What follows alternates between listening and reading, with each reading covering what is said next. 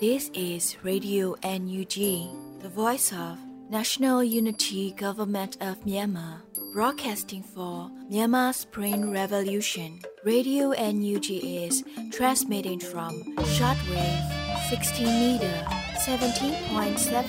megahertz at 8:30 a.m. and 25 meter 11.94 megahertz at 8:30 p.m. Myanmar Standard Time. မင်္ဂလာပါရှင်။အမျိုးသားညီညွတ်ရေးအစိုးရရဲ့အတန်လွတ်ဌာန Radio NUG ကိုမန္တပိုင်း၈နိုင်ခွဲမှာလိုင်းတူ6မီတာ19.3ခုကုန်းမဂါဟတ်စ်နဲ့ညပိုင်း၈နိုင်ခွဲမှာလိုင်းတူ25မီတာ17.3ကိုလီမဂါဟတ်စ်တို့မှာဓာတ်ရိုက်ဖမ်းယူနားဆင်နိုင်ပါပြီရှင်။မင်္ဂလာအပေါင်းနဲ့ပြည့်စုံကြပါစေ။အခုချိန်ကစပြီး Radio NUG စီစဉ်လေးကိုဓာတ်ရိုက်အတန်လွှင့်ပေးနေပါပြီ။ မြန်မာနိုင်ငံသူနိုင်ငံသားအပေါင်းတဘာဝပေးဆရာနာရှင်ပေတို့ကနေကင်းဝေးပြီးကိုစိတ်နှပါပေးကင်းလုံခြုံကြပါစေလို့ရေဒီယိုညူးဂျီခွဲသားများကဆုတောင်းမြတ်တာပို့သလာရပါတယ်ရှင်။အခုချိန်ကစပြီးပြည်တွင်းသတင်းတွေကိုတော့ Sodes လူနေမှဖတ်ကြားတင်ပြပေးပါတော့မယ်ရှင်။မင်္ဂလာပါခင်ဗျာ။ခုချိန်ကစပြီး2024ခုနှစ် ဇန်နဝါရီလ9ရက်နေ့မနက်ခင်းပြည်တွင်သတင်းများကိုစတင်တင်ပြပေးပါတော့မယ်။ပထမအဦးဆုံးအနေနဲ့ကျန်းဖတ်စစ်ကောင်စီအတွက်2024ခုနှစ်ဟာနောက်ဆုံးဖြစ်လိမ့်မယ်လို့ယုံကြည်ကြောင်းပြည်ထောင်စုဝန်ကြီးချုပ်ပြောကြားလိုက်တဲ့သတင်းကိုတင်ပြပေးသွားပါမယ်။မြို့သားညီညွတ်ရေးဆိုရာဂျာကာလာဒေသနာပြည်သူ့အုပ်ချုပ်ရေးဖော်ဆောင်မှုဘိုးကော်မတီအစည်းအဝေးအမှတ်စဉ်တင်မြင့်ဆောင်2024ကိုဇန်နဝါရီလ4ရက်နေ့မနက်ပိုင်းကကျင်းပပြုလုပ်ခဲ့ပြီးနောက်ပြည်ထောင်စုဝန်ကြီးချုပ်မန်ဝင်းခိုင်တန်းမှတက်ရောက်ဖွင့်မှာစကားပြောကြားပေးခဲ့ပါတယ်။ အကြံဖက်စစ်ကောင်စီအတွက်2024ခုနှစ်ဟာနောက်ဆုံးနှစ်ဖြစ်လိမ့်မယ်လို့ယုံကြည်ကြောင်းပြည်ထောင်စုဝန်ကြီးချုပ်မန်ဝင်းခိုင်တန်းကပြောကြားခဲ့ပါတယ်။ယနေ့အချိန်ထိကိုကျိုးစီးပွားကိုပဲအလေးထားတဲ့အကြံဖက်စစ်ကောင်စီအတွက်တော့ဒီနေ့ဟာနောက်ဆုံးဖြစ်လိမ့်မယ်လို့ယုံကြည်ပါကြောင်းတတန်နဲ့ညီတချီတဲ့ယုံကြမယ်ဆိုပြီးကြွေးကြော်ခဲ့တာတွေဟာစိတ်ကူးရင်မှုမဟုတ်ပဲလက်တွေ့အကျိုးရလက်တွေမြင်တွေ့နေကြရပြီဖြစ်ပါကြောင်း ဒါကြောင့်ကျွန်တော်တို့အနေနဲ့တက်ပြတ်နေပြီဖြစ်သောအရှုံးများနဲ့စစ်တပ်ကိုနိုင်ငံရေးကအပိတိုင်ဆုံးခွာပြီးအသွင်ကူးပြောင်းရေးကာလတရားမျှတမှုများဖော်ဆောင်နိုင်စေဖို့ဟာအရေးကြီးသလိုကျွန်တော်တို့တိုင်းရင်းသားညီနောင်ချင်းချင်းကြားသမိုင်းအကြောင်းထက်အမှားများကိုသင်ခန်းစာယူပြီးယုံကြည်မှုအပြန်အလှန်လေးစားမှုစူးစီးမှုတို့နဲ့ပြည်သူများရဲ့ကောင်းကျိုးပဓာနာကိုရှေ့တန်းတင်သောပြည်ထောင်စုတရက်တီထောင်ရန်အချိန်ကြာရောက်နေပြီဖြစ်တာကြောင့်ကျွန်တော်တို့အစိုးရအပါအဝင်တော်လှန်ရေးအင်အားစုတွေအားလုံးမိကုံရန်ကုန်အားစိုက်စူးစမ်းကြရမယ့်နှစ်လည်းဖြစ်ပါကြောင်းဝန်ကြီးချုပ်ကဆိုထားခဲ့ပါတယ်။ ဆက်လက်ပြီးတက်ရောက်လာကြသောဂျာကာလာဒေသန္တရပြည်သူ့အုပ်ချုပ်ရေးဖော်ဆောင်မှုဘိုးကော်မတီဖွဲ့ဝင်များမှ52မြင်းဆောင်2023တွင်ချမှတ်ထားခဲ့သောစုံဖြတ်ချက်ရှေ့လုပ်ငန်းစဉ်များနှင့်ပတ်သက်၍ပြည်စည်းမှုအခြေအနေများနှင့်ဆက်လက်ဆောင်ရွက်ရန်ကြန့်ရှိနေသည့်လုပ်ငန်းစဉ်များကိုချပြရှင်းလင်းခဲ့ကြပြီးတက်ရောက်လာကြသောတာဝန်ရှိသူများမှအကြံတဝင့်ဆွေးနွေးခဲ့ကြပါသည်အစည်းအဝေးသို့ပြည်ထောင်စုဝန်ကြီးချုပ်မန်ဝင်းခိုင်တန်းဦးဆောင်ကပြည်ထောင်စုဝန်ကြီးများဒုတိယဝန်ကြီးများအမြဲတမ်းတွင်ဝင်များတွဲဖက်အမြဲတမ်းတွင်ဝင်များနဲ့ဌာနဆိုင်ရာမှတာဝန်ရှိသူများတက်ရောက်ခဲ့ကြကြောင်းသိရှိရပါတယ်ခင်ဗျာ။ ဆက်လက်တင်ပြပေးမှာကတော့စစ်အာဏာရှင်ရဲ့နောက်ဆုံးနေ့ဟာရောက်ရှိလာခဲ့ပြီဖြစ်လို့အချိန်မီပြည်သူ့ဘက်ရက်တီဖို့စစ်ကောင်စီတပ်ဖွဲ့ဝင်များကိုကာကွယ်ဝင်ကြီးတတိပေးလိုက်တဲ့သတင်းပဲဖြစ်ပါတယ်။ဇန်နဝါရီလ၄ရက်နေ့မှာကာကွယ်ဝင်ကြီးဦးရေမောမှစစ်အုပ်စုလက်အောက်ခံတပ်မှုတပ်သားများနဲ့ရဲတပ်ဖွဲ့ဝင်များအားစစ်အာဏာရှင်ရဲ့နောက်ဆုံးနေ့ဟာရောက်ရှိလာခဲ့ပြီဖြစ်၍အချိန်မီပြည်သူ့ဘက်ကရက်တီဖို့ဆိုရှယ်မီဒီယာမှာတဆင့်စစ်ကောင်စီတပ်ဖွဲ့ဝင်များကိုအထူးသတိပေးနှုတ်ဆော်ချက်ကိုပြောဆိုရမှာအသိပေးဖော်ပြထားပါတယ်။ အခုဆိုရင်ဆရာနာရှင်ရဲ့နောက်ဆုံးနေ့ဟာရောက်ရှိလာခဲ့ပြီးပြည်ထောင်စုပြိုကွဲမှာဆိုတဲ့ဆိုတဲ့6လုံးနဲ့တိုင်းသားပြည်သူအပေါ်ကုတ်ခွာစေပြီးအခွင့်ထူးခံနေတဲ့လှုပ်ရှားတွေးခေါ်ဟာလုံးဝကြဆုံးခဲ့ပြီဆိုတာတတိချက်စီလိုပါတယ်ဒီကနေ့ပြည်ထောင်စုမပြိုကွဲအောင်တကယ်တမ်းတာဝန်ယူဆောက်ရှောက်နိုင်မဲ့သူတာဝန်ယူဆောက်ရှောက်နေတဲ့သူဟာပြည်သူအစိုးရနဲ့ပြည်သူတော်လှန်ရေးအဖွဲ့အစည်းတွေပဲဖြစ်ပါတယ်။ဒါကိုတတိချက်စီလိုပါတယ်။ခမရတို့အမြင်မှန်ရဖို့အချိန်ရောက်နေပါပြီ။စစ်အုပ်စုကိုတစ္ဆာခံပြီးစစ်အာဏာရှင်ကိုအကာအကွယ်ပေးနေတဲ့လုပ်ရက်ကို ရက်တန်းကရက်ဖို့အချိန်ရောက်ရှိလာပါပြီ။ဒါကြောင့်အချိန်မီပြည်သူဘက်ကရက်တီပါပြည်သူအစိုးရနဲ့ပြည်သူဒေါ်လာရေးဖွဲ့စည်းတွေကိုနာခံပါအချိန်မနှောင်းခင်ခမရတို့ရက်တီချက်ကိုပြောင်းလဲပါလို့တိုက်တွန်းလိုပါတယ်လို့ဝန်ကြီးကဆိုထားခဲ့ပါတယ်လက်ရှိမှာစစ်ကောင်စီတပ်များဟာရှမ်းပြည်နယ်မြောက်ပိုင်းစကိုင်းတိုင်းမကွေတိုင်းကရင်ပြည်ဒေသကရင်ပြည်နယ်တို့မှာထိခိုက်ကြရှုံးလျက်ရှိကြောင်းသိရှိရပါတယ်ခင်ဗျာထောင်ကျစစ်သားတွေကိုတော့ပြန်ပြီးစစ်တိုက်ခိုင်းနေရတဲ့အထိစစ်ကောင်စီဟာတက်ပြက်လာပြီလို့ဆိုလိုက်တဲ့သတင်းကိုဆက်လက်တင်ပြပေးသွားပါဦးမယ်။ အဆိုပါသတင်းကိုကာကွယ်ဝင်ကြီးဌာနဒုတိယအတွင်းဝင်ဦးမောင်ဆွေကပြောကြားခဲ့တာဖြစ်ပါတယ်။နောင်ချိုမြို့နယ်တန်ပိုရွာကစစ်ကောင်စီခြေဆိုင်စခန်းကိုသိမ်းပိုက်ခဲ့တဲ့တိုက်ပွဲအတွင်းချိန်မုံခံခဲ့ရသူတွေနဲ့ယူနီဖောင်းတွေကပြောပြနေတဲ့အကြမ်းဖက်စစ်တပ်ရဲ့ပကတိအခြေအနေပညာသည်တပ်တွေလက်ယုံတပ်တွေစုပေါင်းထားတာတော့မလုံလောက်တော့တဲ့အင်အားနဲ့တိုက်ခိုက်လိုစိတ်မရှိတော့အောင်စိတ်တရေးရအရာကြာရှုံးနေမှုတွေကအင်အားပြုံးတိမှုအပဒံများလာပြီးအင်အားသစ်စုဆောင်းရရှိမှုလည်းမရှိသလောက်ဖြစ်လာလို့ထောင်ကျစစ်သားတွေကိုတော့ပြန်ပြီးစစ်တိုက်ခိုင်းနေရတဲ့အထိတက်ပြက်လာပြီဆိုတာပါပဲ။ နှစ်သက်မှာပိုပြီးညီညွတ်တဲ့အင်အားနဲ့အကြမ်းဖက်စစ်တပ်ကိုအမြင့်ဖြတ်ကြပါစို့လို့ဆိုထားပါတယ်။ဇန်နဝါရီလ2ရက်နေ့မှာပြည်သူ့ကာကွယ်ရေးတပ်မတော်မန္တလေးနဲ့မဟာမိတ်တအောင်အမျိုးသားလွတ်မြောက်ရေးတပ်မတော် DNL ပူးပေါင်းတပ်ဖွဲ့ဝင်များဟာနောင်ချုံမြို့နယ်တန်ပိုကျေးရွာရှိစစ်ကောင်စီခြေစိုက်စခန်းအားဝင်းရောက်စီးနှင်းတိုက်ခတ်ခဲ့ပါတယ်။ ဇန်နဝါရီလ3ရက်နေ့မနက်9:30ခန်းမှာတန်ဖိုးကျေးရွာစကန်အားအပိသက်သိမ်းပိုက်ရရှိခဲ့ပြီးရန်သူ၏ဒရုန်းဂျမ်မာဆက်အကြီးများအပါအဝင်လက်နက်ခဲယမ်းများစွာသိမ်းဆည်းရရှိခဲ့ကတိုက်ပွဲအတွင်းရန်သူစစ်ကြောင်းမှုဒုဗိုလ်မှူးကြီးတပ်အောင်အားအရှင်ဖမ်းဆီးရမိခဲ့ပြီးရန်သူဘက်မှထိခိုက်ဒေဆုံးမှုများများပြားခဲ့ကြောင်းသိရှိရပါတယ်ခင်ဗျာဆီယနာရှင်ဖွဲ့စည်းဟာ၎င်း၏အကြံဖတ်မှုများကိုအဆုံးသတ်ရမည်ဖြစ်ကြောင်းအမေရိကန်နိုင်ငံသားရေးဝန်ကြီးအန်တိုနီဂျေဘလင်ကန်ဆိုလိုက်တဲ့သတင်းကိုဆက်လက်တင်ပြသွားပါမယ်။ ဆီယနာရှင်ဖွဲ့စည်းရာ၎င်းရဲ့အကြံဖတ်မှုများကိုအဆုံးသတ်ရမည်ဖြစ်ကြောင်းအမေရိကန်နိုင်ငံသားရေးဝန်ကြီးအန်တိုနီဂျေမလင်ကန်ကဆိုထားပါတယ်။ဇန်နဝါရီလ၄ရက်နေ့မှာအမေရိကန်နိုင်ငံသားရေးဝန်ကြီးအန်တိုနီဂျေဘလင်ကန်၏သတင်းထုတ်ပြန်ချက်ကိုအမေရိကန်တန်ယုံရန်ကုန်ကဖော်ပြထားတာဖြစ်ပါတယ်။ဇန်နဝါရီလ၄ရက်နေ့တွင်ကြာရောက်တဲ့မြန်မာနိုင်ငံရဲ့86ကြိမ်မြောက်လွတ်လပ်ရေးနေ့ခါသမယမှာမြန်မာပြည်သူများအတွက်မိမိတို့၏တာရိတ်ထံကိုအမေရိကန်ပြည်ထောင်စုကိုစားမိမိထပ်လောင်းအတည်ပြုအပ်ပါတယ်။မိမိတို့နိုင်ငံအတွက်ဒီမိုကရေစီကိုပိုင်ရွေးချယ်ခွင့် တည်ငြိမ်မှုနဲ့လုံခြုံရေးတို့ကိုဖော်ဆောင်ရန်ကြိုးပမ်းနေကြတဲ့မြန်မာပြည်သူများနဲ့အတူမိမိတို့တသားတည်းရပ်တည်ပါတယ်။ဆေးရနယ်ရှင်ဖွဲ့စည်းဟာ၎င်းရဲ့အကြမ်းဖက်မှုများကိုအဆုံးသတ်ရပါမယ်လို့ဆိုထားပါတယ်။ဒါအပြင်နိုင်ထက်စီးနှင်းဖမ်းဆီးထိန်းသိမ်းထားသူများအားလုံးကိုပြန်လွှတ်ပေးရန်နဲ့လူသားချင်းစာနာထောက်ထားမှုဆိုင်ရာအကူအညီများကိုအဟံတားမရှိပေးရခွင့်ပြုရန်ဖွံ့ဖြိုးတိုးတက်ပြီးအားလုံးပါဝင်နိုင်သောဒီမိုကရေစီလမ်းကြောင်းပေါ်သို့ပြန်လည်ရောက်ရှိလိုသည့်ပြည်သူများ၏ဆန္ဒကိုလည်းအသိမှတ်ပြုရန်တို့ကိုအမေရိကန်နိုင်ငံသားရေးဝန်ကြီးအန်တိုနီဂျေပလင်ကန်ကဆိုထားပါရခင်ဗျာ။ ဆက်လက်တင်ပြပေးမှာကတော့ပြည်သူ့ကာကွယ်ရေးတပ်မတော်မန္တလေးနဲ့တအောင်းအမျိုးသားလွတ်မြောက်ရေးတပ်မတော်တို့ပူးပေါင်းတိုက်ခိုက်တဲ့တန်ဖိုးကျေးရွာစခန်းသိမ်းတိုက်ပွဲမှာစစ်တပ်ကသူများတရှိရာပြည်ဦးလွင်မြို့နယ်15မိုင်သာကာဝေးကြောင့်ကာကွယ်ရေးဝန်ကြီးဌာနကသတင်းထုတ်ပြန်လိုက်တဲ့သတင်းပဲဖြစ်ပါတယ်။ အဆိုပါသတင်းကိုကာကွယ်ရေးဝန်ကြီးဌာနကဇန်နဝါရီလ၄ရက်နေ့မှာသတင်းထုတ်ပြန်လာတာဖြစ်ပါတယ်။2024ခုနှစ်ဇန်နဝါရီလ2ရက်နေ့မှာမြို့သားညီညွတ်ရေးဆိုရာကာကွယ်ရေးဝန်ကြီးဌာနပြည်သူ့ကာကွယ်ရေးတပ်မတော်မန္တလေးနဲ့တောင်မြို့သားလွတ်မြောက်ရေးတပ်မတော်တို့ပူးပေါင်းတပ်ဖွဲ့များဟာနောင်ချုံမြို့နယ်တန်ပိုကျေးရွာရှိစစ်ကောင်စီခြေဆိုင်စခန်းအားဝင်ရောက်စီးနင်းတိုက်ခိုက်ခဲ့တယ်လို့ဆိုထားပါတယ်။ဇန်နဝါရီလ3ရက်နေ့မနက်9:30ခန့်မှာတန်ဖိုးကျေးရွာစခန်းအပိသက်သိမ်းပိုက်ရရှိခဲ့ပြီးရန်သူ၏ဒရုန်းဂျမ်မာဆက်ကြီးများအပါအဝင်လက်နက်ခဲယမ်းများစွာသိမ်းဆည်းရရှိခဲ့ပါတယ်။ အဆိုပါစခန်းဟာရန်သူရဲ့စစ်တပ်ကတူများတရှိရာပြည်ဦးလင်မြို့နယ်15မိုင်သောကွာဝေးသည့်စခန်းတစ်ခုဖြစ်တယ်လို့လည်းဖော်ပြထားပါတယ်။ 2024ခုနှစ်ဇန်နဝါရီလ3ရက်နေ့နေ့လယ်2:25မိနစ်တွင်ကြောက်မဲလေးဘက်မှတန်ဖိုးကြီးရွာသို့ကားသုံးစီးနှင့်ရောက်လာသောရန်သူစစ်ကူအဖွဲ့အားထပ်မံဖျက်တောက်တိုက်ခိုက်ခဲ့ရမှာရန်သူများပြားသေဆုံးခဲ့ပြီးလက်နက်ခဲယမ်းများထပ်မံသိမ်းဆည်းရမိခဲ့ပါသေးတယ်။တန်ဖိုးကြီးရွာတိုက်ပွဲတွင်ရန်သူစစ်ကြောင်းမှုဒုဗိုလ်မှူးကြီးတောင်အားအရှင်ဖမ်းဆီးရမိခဲ့ပြီးရန်သူဘက်မှထိခိုက်သေဆုံးမှုများပြားခဲ့ကမိမိတို့ရဲဘော်ချို့ပြည်သူဒေါ်လာရေးအတွက်မြင့်မြတ်စွာအသက်ပေးလူသွားခဲ့တယ်လို့ကာကွယ်ရေးဝန်ကြီးဌာနကဆိုထားပါတယ်။ ပြည်သူ့ကာကွယ်ရေးတပ်မတော်အနေဖြင့်ဒုဗိုလ်မှူးကြီးအဆင့်အရာရှိတအုပ်ကိုပထမအဦးဆုံးအကြိမ်ဖြစ်လက်ရဖမ်းဆီးရမိခဲ့ခြင်းဖြစ်ကြောင်းသိရှိရပါတယ်ခင်ဗျာနထိုးကြီးမြို့နယ်ကြေးရွာရက်ကျေးအုပ်ချုပ်ရေးမှုများအနေဖြင့်ဇန်နဝါရီလ31ရက်နေ့နောက်ဆုံးထားကနှုတ်ထွက်စာတင်ကြရန်နထိုးကြီးပကဖသတိပေးလိုက်တဲ့သတင်းကိုဆက်လက်တင်ပြပေးသွားပါမယ်။ နထိုးကြီးမြို့နယ်ကြေးရွာရဲကြီးအုပ်ချုပ်ရေးမှုများအနေဖြင့်ဇန်နဝါရီလ31ရက်နေ့နောက်ဆုံးထားကနှုတ်ထွက်စာတင်ကြရန်နထိုးကြီးပကဖကဇန်နဝါရီလ4ရက်နေ့မှာအတိပေးကြေညာထားပါတယ်။နထိုးကြီးမြို့နယ်ကြေးရွာရဲကြီးအုပ်ချုပ်ရေးမှုများအနေဖြင့်ဇန်နဝါရီလ31ရက်နေ့နောက်ဆုံးထားကနှုတ်ထွက်စာတင်ကြရန်အထူးသတိပေးအပ်ပါတယ်လို့ဆိုထားပါတယ်။ကြေးရွာတွင်ငွေကြေးတောင်းခံမှုများလာတဲ့အတွက်ထိရောက်စွာအရေးယူမှုဖြစ်တယ်လို့ဖော်ပြထားပါတယ်။ နှုတ်ထွက်စာများကိုနထိုးကြီးမြို့နယ်ပြည်သူ့ကာကွယ်ရေးအဖွဲ့လူမှုကွန်ရက်စာမျက်နှာသို့အကောင့်အဆင့်များဖြင့်ပို့ဆောင်ပေးရမယ်လို့ဆိုထားပါရခင်ဗျာဆက်လက်တင်ပြပေးမှာကတော့ရန်ကုန်မန္တလေးလမ်းဟောင်းကညွတ်ကွင်းမြို့ဂုံတဲကျေးရွာအနီးရှိစစ်ကောင်စီရဲ့ကင်စခန်း၅ခုကိုပူးပေါင်းတပ်ဖွဲ့များနဲ့အတူတော်ဝင်တောင်းစစ်ကြောင်းမှဝင်ရောက်တိုက်ခိုက်ရမှာစစ်ကောင်စီဘက်က20ဦးသေဆုံးခဲ့တဲ့တဲ့ရင်ပဲဖြစ်ပါတယ်။ ရန်ကုန်မန္တလေးလမ်းဟောင်းကညွတ်ကွင်းမြို့ဂုံတဲကျေးရွာအနီးရှိစစ်ကောင်စီရဲ့ကင်းစခန်း၅ခုကိုပူးပေါင်းတပ်ဖွဲ့များနဲ့အတူတော်ဝင်တောင်းစစ်ကြောင်းမှဝင်ရောက်တိုက်ခိုက်ခဲ့ရမှာစစ်ကောင်စီဘက်က20ဦးသေဆုံးခဲ့တယ်လို့ဇန်နဝါရီလ၄ရက်နေ့မှာတော်ဝင်တောင်းစစ်ကြောင်းကအတည်ပြုဆိုထားပါတယ်။ဇန်နဝါရီလ၄ရက်နေ့ရန်ကုန်မန္တလေးလမ်းဟောင်းကညွတ်ကွင်းမြို့ဂုံတဲကျေးရွာနေရှိစစ်ကောင်စီရဲ့ကင်းစခန်း၅ခုကိုပူးပေါင်းတပ်ဖွဲ့များနဲ့အတူတော်ဝင်တောင်းစစ်ကြောင်းမှဝင်ရောက်တိုက်ခိုက်ခဲ့တယ်လို့အတည်ပြုထားပါတယ်။ဇ ထိတိတိုက်ပွဲမှာရန်သူကင်းစခန်းမှစစ်ကောင်စီတပ်သားအများအပြားကိုလိုယုံထွက်ပြေးကရန်သူ20ဦးခန့်သေဆုံးခဲ့တယ်လို့သိရှိရပါတယ်ခင်ဗျာ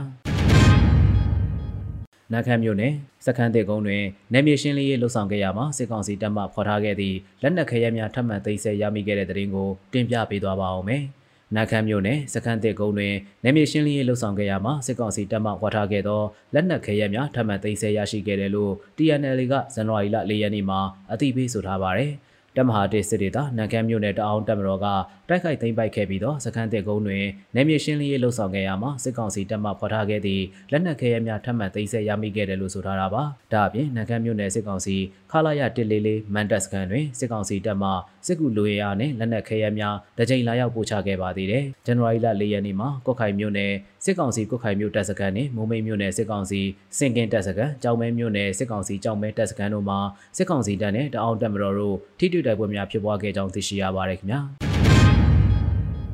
ဒဇယ်မြို့နယ်စိန်နှန်းရွာအားအကြမ်းဖက်စစ်ကောင်စီမှ Jet Fighter နှစ်စီးဖြင့်လေကြောင်းကလာရောက်ပစ်ခတ်၍အရက်သားများထိခိုက်ဒေဆုံးမှုရှိခဲ့တဲ့တဲ့ရင်ကိုတင်ပြပေးသွားပါမယ်။ဒဇယ်မျိုးနဲ့စိန်နှန်းရွာအားဂျမ်ဘတ်စစ်ကောင်စီမှ Jet Fighter နှစ်စီးဖြင့်လေကြောင်းမှပစ်ခတ်တိုက်ခိုက်ခဲ့၍အရက်သားထိခိုက်ဒေဆုံးမှုရှိခဲ့တယ်လို့ January လ၄ရက်နေ့မှာဒဇယ် DSO ကအတည်ပြုဆိုထားပါတယ်။ဇန်နဝါရီလ၄ရက်နေ့မွန်လွယ်ပိုင်းမှာဒဇယ်မြို့နယ်စိန်နှန်းရွာအားဂျမ်ဖက်စစ်တပ်မှ Jet Fighter နှစ်စီးဖြင့်လာရောက်ပစ်ခတ်သွားပါတယ်။အထက်တန်းကျောင်းတဝိုက်မီးလောင်လျက်ရှိပြီး ပြည်သူထိခိုက်များကြောင်းသတင်းရရှိပါတယ်လို့ဆိုထားပါတယ်။လက်ရှိမှာတေဆုံးသူအရေအတွက်ကိုဆက်လက်အတည်ပြုဆဲဖြစ်ပြီးတေဆုံးသူများဟာအရက်သားများဖြစ်တယ်လို့လည်းသိရှိရပါတယ်ခင်ဗျာ။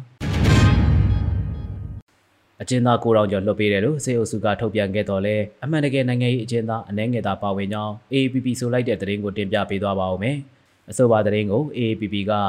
ဇန်နဝါရီလ၄ရက်နေ့မှာအသိပေးဆိုထားခြင်းဖြစ်ပါတယ်။အကြံဖက်စေအုပ်စုဟာလွတ်လပ်ရေးနေ့မှာနိုင်ငံတော်ဝန်အကျဉ်းချခံရသူအကျဉ်းသား 9652ဦးဟာရာဇဝတ်ကျဉ်းတုံးဥပဒေပုံမှန်401တစ်ဖြင့်လွှတ်ပေးခဲ့ကြောင်းကြေညာခဲ့ပါတယ်။တို့ရမှာအေယာဝတီတိုင်းဒေသကြီးဆိုရအဖွဲ့လူမှုရေးဝန်ကြီးဒေါက်တာလမြတ်သွေးနဲ့မန္တလေးမြို့တော်ဝန်ဒေါက်တာရဲတွင်တို့ပါဝင်နိုင်ငံရေးအကျဉ်းသားအနေငယ်သားပါဝင်ကြောင်းသိရှိရတယ်လို့ဆိုထားပါတယ်။မတရားအာဏာလုမှုဖြစ်စဉ်တွေပတ်သက်ပြီးဆက်ဆက်ဖမ်းဆီးခဲ့ရသူပေါင်း25,949ဦးရှိပြီးထိုအထဲမှာ19,929ဦးမှာ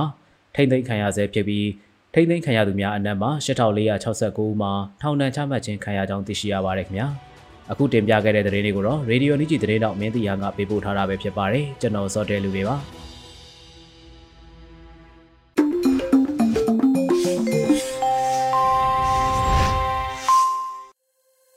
ဗီဒီယိုညွှန်ချီရဲ့မနက်ခင်းစီစဉ်တွေကိုဆက်လက်တင်ပြနေပါတယ်။အခုဆက်လက်ပြီးနားဆင်ကြရမှာကတော့နှွေဦးမှန်ကူကွက်များအစီအစဉ်မှာ အန်ယူဂျီဝန်ကြီးချုပ်ပြောရေးဆိုခွင့်ရှိသူဦးနေဖုံးလည်းရဲ့မျက်မှောက်ရေးသုံးသက်ချက်မှကောက်နှုတ်ချက်ပိုင်းနှစ်ကိုနားဆင်ကြရတော့မှာဖြစ်ပါရဲ့ရှင်။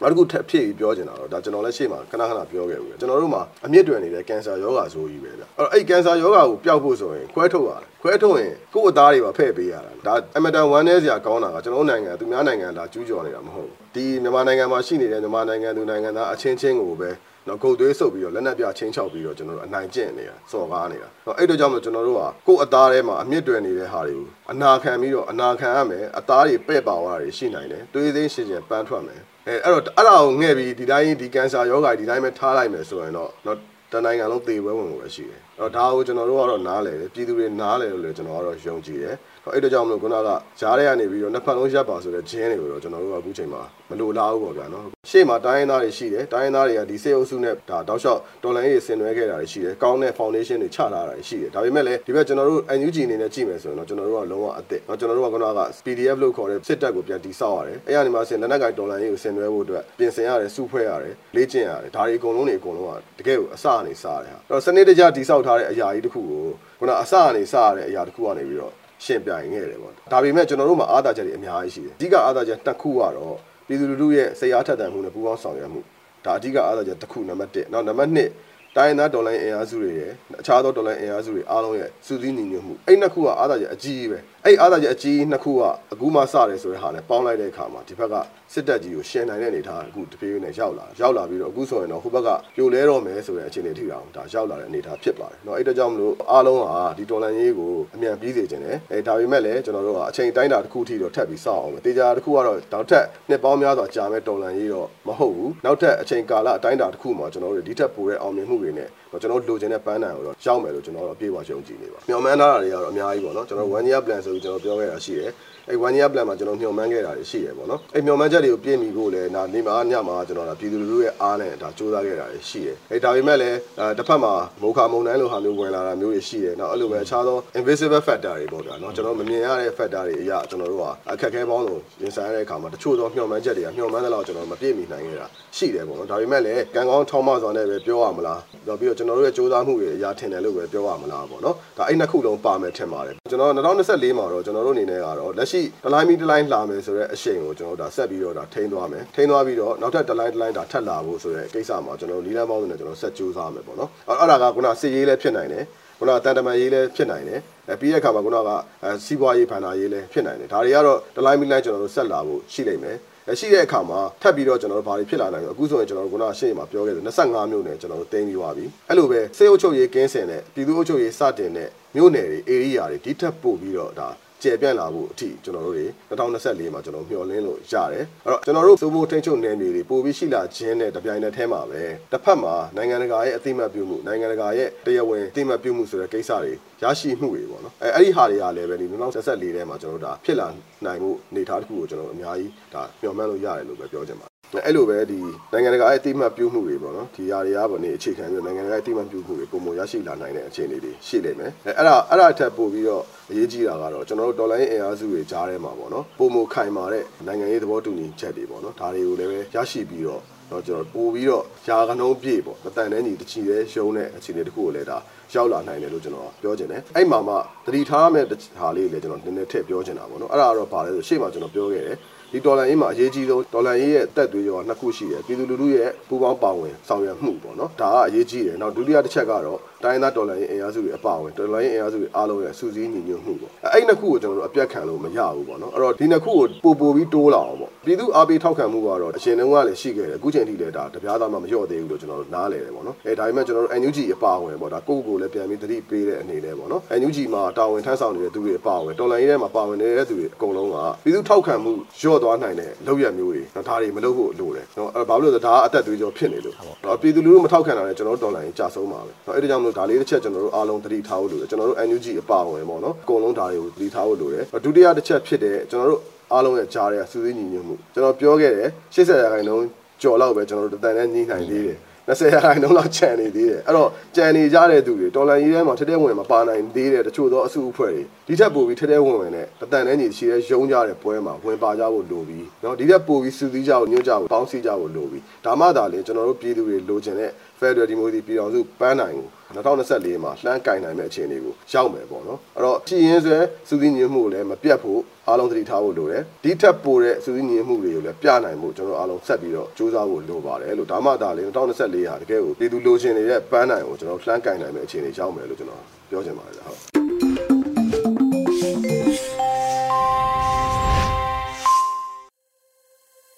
ဗီဒီယိုညူချီရဲ့မနက်ခင်းစီစဉ်တွေကိုဆက်လက်တင်လွှင့်ပေးနေပါတယ်။ အခုဆက်လက်ပြီးနားဆင်ကြရမှာကတော့တော်လန်ရေးကပြအနေနဲ့ကိုအောင်မိုင်းရေးသားပြီးနှွေဦးမိုးရွတ်ဖက်ထားတဲ့လွတ်လပ်ရေးနေတစ်ဒေါ်လာလို့အမည်ရတဲ့တော်လန်ရေးကပြကိုနားဆင်ကြရတော့မှာဖြစ်ပါတယ်ရှင်။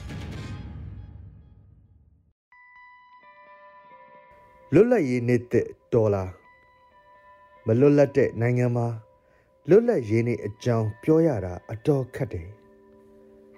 မလွတ်လပ်တဲ့နိုင်ငံမှာ လွတ်လပ်ရေးနေဆိုတာပြက်လုံးတစ်ခုထက်မပိုပါဘူးလှုပ်ချလိုက်ရတဲ့လွတ်လပ်ရေးနေအတွက်ကြပြတပုတ်ရေးရတာဟာကျိုးပဲ့နေတဲ့နှလုံးသားကို ACG စပေါ်တင်ရတယ်လို့ပါပဲလွတ်လပ်ရေးနေမှာကျဲတချို့ကြကွဲခဲ့ရတယ်လို့ကျဲတချို့တောက်ပလာပြီးကျဲတချို့မျက်ရည်တွေကျခဲ့ရတယ်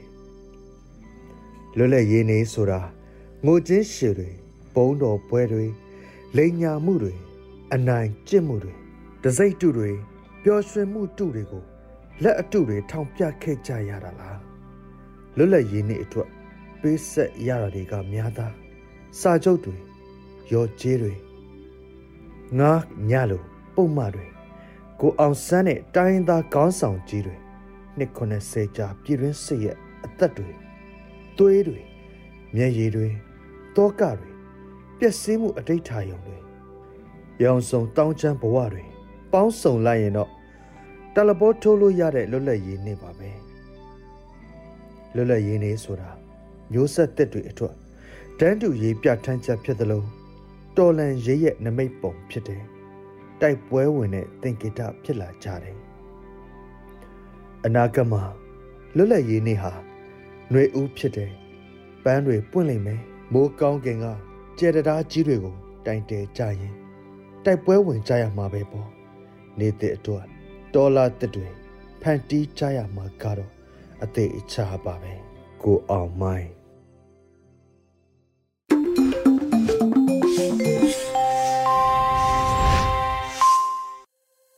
ရေဒီယိုညူးကြီးကိုနားတော်တာဆင်နေတဲ့ပရိသတ်များရှင်အခုဆက်လက်ပြီးနားဆင်ကြရမှာကတော့ PPTV ရဲ့နေ့စဉ်သတင်းများဖြစ်ပါတယ် ရိမ့်မှဖတ်ကြားတင်ပြပေးပါတော့မယ်ရှင်အခုချိန်ကစပြီး PPTV သတင်းတွေကိုတင်ဆက်ပေးသွားမှာပါကျွန်မရိမ့်ပါပထမဆုံးအနေနဲ့တင်ဆက်ပေးမယ့်သတင်းကတော့အမျိုးသားညွရေးအစိုးရက86နှစ်မြောက်လွတ်လပ်ရေးနေ့အခမ်းအနားကိုတဝန်လွှာပေးပို့လိုက်တဲ့သတင်းမှာအမျိုးသားညွရေးအစိုးရကဒီနေ့ကြာရောက်တဲ့86နှစ်မြောက်လွတ်လပ်ရေးနေ့အခမ်းအနားကိုတဝန်လွှာပေးပို့လိုက်ပါတယ်။ တဝန်လွှာထဲမှာတော်လှန်ရေးအင်အားစုများတိုင်းရင်းသားတော်လှန်ရေးအင်အားစုများမျိုးဆက်သစ်တော်လှန်ရေးကောင်းဆောင်များအားလုံးအနေနဲ့ပြည်သူအားကိုယူကအချိန်ကကောင်းကိုအမိရကင်ဆွဲရယူပြီးတမိုင်းမှာရရှိခံစားခဲ့ပူတဲ့ဖိနှိပ်ချုပ်ချယ်မှုအပေါင်းတို့မှာအပီးတိုင်လွတ်မြောက်ခဲ့တဲ့လွတ်လပ်ရေးအသည့်အပွင့်ကိုတပံပြန်လည်ရရှိခံစားကြရတော့မယ်အနာဂတ်ဖက်ဒရယ်ဒီမိုကရေစီပြည်ထောင်စုရောက်တဲ့အထိလက်တွဲမဖြုတ်စတဲ့အသက်မဆဲအလံမလှဲစတဲ့ဆက်လက်ထုစစ်ပုံဖော်သွားကြဖို့အတွက်ဖော်ပြထားပါတယ်။ ဒါပြင်မင်းအောင်လှိုင်ကောင်းဆောင်တဲ့အကြမ်းဖက်စစ်အုပ်စုက2021ခုနှစ်ဖေဖော်ဝါရီလ1ရက်နေ့မှာတိုင်းပြည်အာဏာကိုမတရားလူယူရန်ထပ်မံကြိုးပမ်းပြီးခေတ်အဆက်ဆက်ဆဲအာဏာရှင်များထက်ပိုမိုဆိုးဝါးပြင်းထန်သောစစ်ရာဇဝတ်မှုများလူအခွင့်အရေးချိုးဖောက်မှုများကိုကျူးလွန်လာခဲ့ရာတိုင်းရင်းသားပြည်သူလူထုတရက်လုံးကပြည်သူ့ຫນွေဦးတော်လှန်ရေးကိုဆင်နွှဲကရာရာလက်နက်ဆွဲကင်တော်လှန်ကြရတဲ့အခြေအနေထိဆိုက်ရောက်လာခဲ့တယ်လို့ဖော်ပြထားပါတယ်။ လက်ရှိချိန်ကာလကတိုင်းရင်းသားပြည်သူလူထုတရက်လုံးစီလုံးညီညွတ်မှုအားနဲ့မြန်မာနိုင်ငံမှာခေတ်အဆက်ဆက်ပေါ်ထွန်းခဲ့တဲ့စစ်အာဏာရှင်စန့်ကျင်ရေးဒီမိုကရေစီအရေးလှုပ်ရှားမှုများအလုံးရဲ့အခြေခံကောင်းများစုစည်းပေါင်းစုံပြီးစစ်အာဏာရှင်စနစ်အမြင့်ပြတ်နိုင်ရေးနဲ့ Federal Democracy နိုင်ငံတော်တည်ထူထောင်နိုင်ရေးအတွက်အလားအလာကောင်းများရရှိပိုင်ဆိုင်နေတဲ့အချိန်ကကောင်းလည်းဖြစ်တယ်လို့သဝန်လွှာထဲမှာဖော်ပြထားပါတယ်။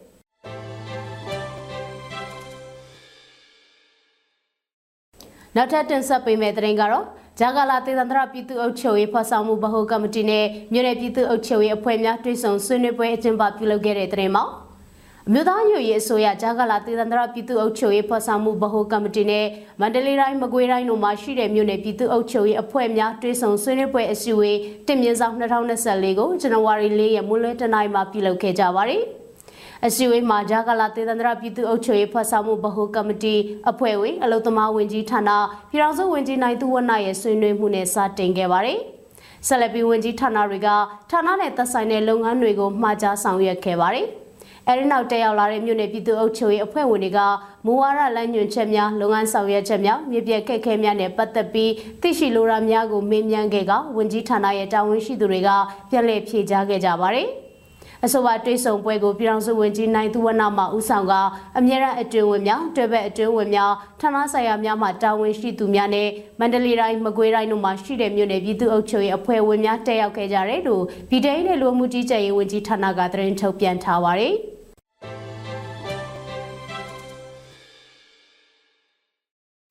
အခုနောက်ဆုံးအနေနဲ့မြန်မာနိုင်ငံတဝန်းကလူမျိုးပေါင်းစုံဘာသာပေါင်းစုံပါဝင်တဲ့ဆရာနာရှင်အမြင့်ပြတ်ချင်းမုံရေးလူထုဆန္ဒပြပွဲသတင်းတွေကိုစုစည်းတင်ဆက်ပေးသွားပါမယ်။စကိုင်းတိုင်းလက်ပရောင်းတော်ဒေသခံပြည်သူတွေကအကြံဖတ်စစ်တပ်ကြရှုံရင်းဆန္ဒပြတပိတ်ကိုဒီကနေ့မှပြုလုပ်ခဲ့ကြပါတယ်။ ဆန္ဒပြတော်လှန်ပြည်သူတွေကစစ်မှန်သောလွတ်လပ်မှုအတွက်မဆုံမနစ်တိုက်ပွဲဝင်ကြဆိုတဲ့စာသားကိုကင်ဆွဲပြီးဆန္ဒပြချီတက်ခဲ့ကြတာပါ။ရမပင်မြို့နယ်ရဲ့နောက်ပြမလှဲ့ကြီးဒီတော်လှန်ရေးတပိတ်စစ်ကြောင်းကအကြမ်းဖက်စစ်တပ်ကြရှုံးရေးဆန္ဒပြတပိတ်ကိုပြုလုပ်ခဲ့ကြပါတယ်။တော်လှန်ပြည်သူတွေကနောက်ပြမလှဲ့ကြီးဒီတော်လှန်ရေးတပိတ်စစ်ကြောင်း သို့တရုတ်အစိုးရဖက်စစ်တပ်နဲ့ပေါင်းပြီးမြန်မာပြည်သူတွေကိုတတ်နေတာချက်ချင်းရက်နဲ့ဖက်စစ်တပ်ကိုစွန့်ခွာကြပြည်သူရင်ခွင်ခိုလုံကြဆိုတဲ့စာသားကိုကင်ဆောင်ပြီးအကြမ်းဖက်စစ်တပ်ကြရှုံးရဟစ်ကြွေးမှုတွေပြုလုပ်ခဲ့ကြတာပါရမပင်မြို့နယ်မှာအောင်လန်လွှင့်မြေတောင်းသွင်းနေတပိတ်စစ်ကြောင်းကအကြမ်းဖက်စစ်တပ်ကြားရှုံရေးဆန္ဒပြတပိတ်ကိုဒီကနေ့မှပြုလုပ်ခဲ့ကြပါတယ်။ဆန္ဒပြတော်လှန်ပြည်သူတွေကအောင်လန်လွှင့်မြေတောင်းသွင်းနေတပိတ်စစ်ကြောင်းဆိုတဲ့စာသားကိုကင်ဆွဲပြီး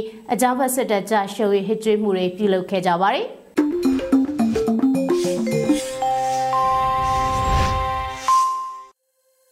ရေဒီယိုညူချီရဲ့မနက်ခင်းစီစဉ်လေးကိုနားဆင်နေကြတဲ့သောတာရှင်များရှင်အခုဆက်လက်ပြီးတော်လန်ဤတိဂီတာစီစဉ်မှာတော့တေးရီကိုပေါက်တေးဆိုမင်းမော်ကွန်းရဲ့လှန်ခဲ့တော့တငယ်ချင်းလို့အမည်ရတဲ့တော်လန်ဤတိဂီတာကိုနားဆင်ကြရတော့မှာဖြစ်ပါတယ်ရှင်။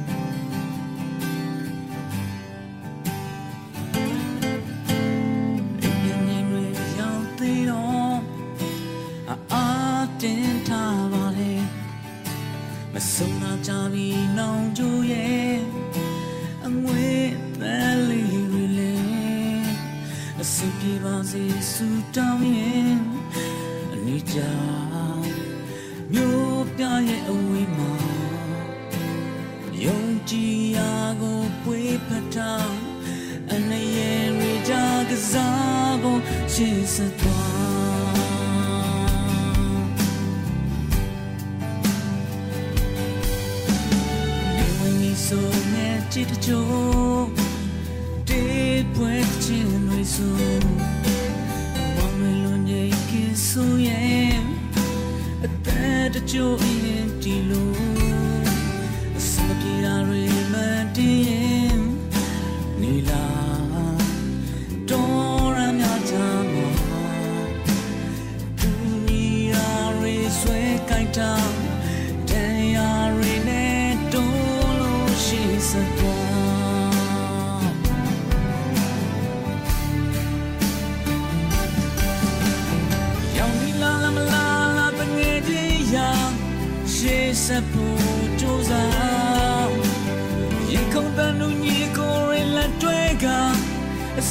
ဆုံးထိဆက်သွားကြ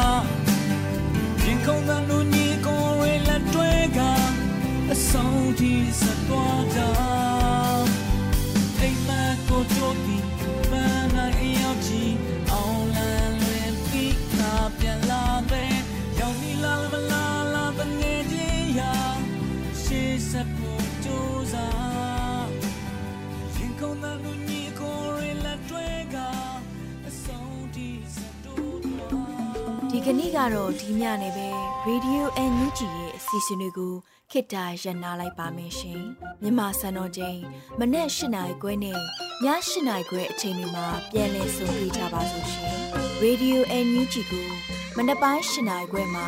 လိုင်းတူ16မီတာ19.7မဂါဟတ်နဲ့ညပိုင်း၈နိုင်ခွဲမှာလိုင်းတူ25မီတာ17.6မဂါဟတ်တို့မှာဓာတ်ရိုက်ဖမ်းယူနားဆင်နိုင်ပါပြီရှင်။ မြန်မာနိုင်ငံသူနိုင်ငံသားများကိုစိတ်နှဖျားစမ်းမချမ်းသာလို့ဘေးကင်းလုံခြုံကြပါစေလို့ Radio NUG ရဲ့ဖွဲ့သူဖွဲ့သားများကဆုတောင်းလိုက်ရပါတယ်။ San Francisco Bay Area အခြေစိုက်မြန်မာမိသားစုများနိုင်ငံတကာကစေတနာရှင်များလိုအားပေးများရဲ့ Radio NUG ဖြစ်ပါတယ်ရှင်။အရေးတော်ပုံအောင်ရမည်။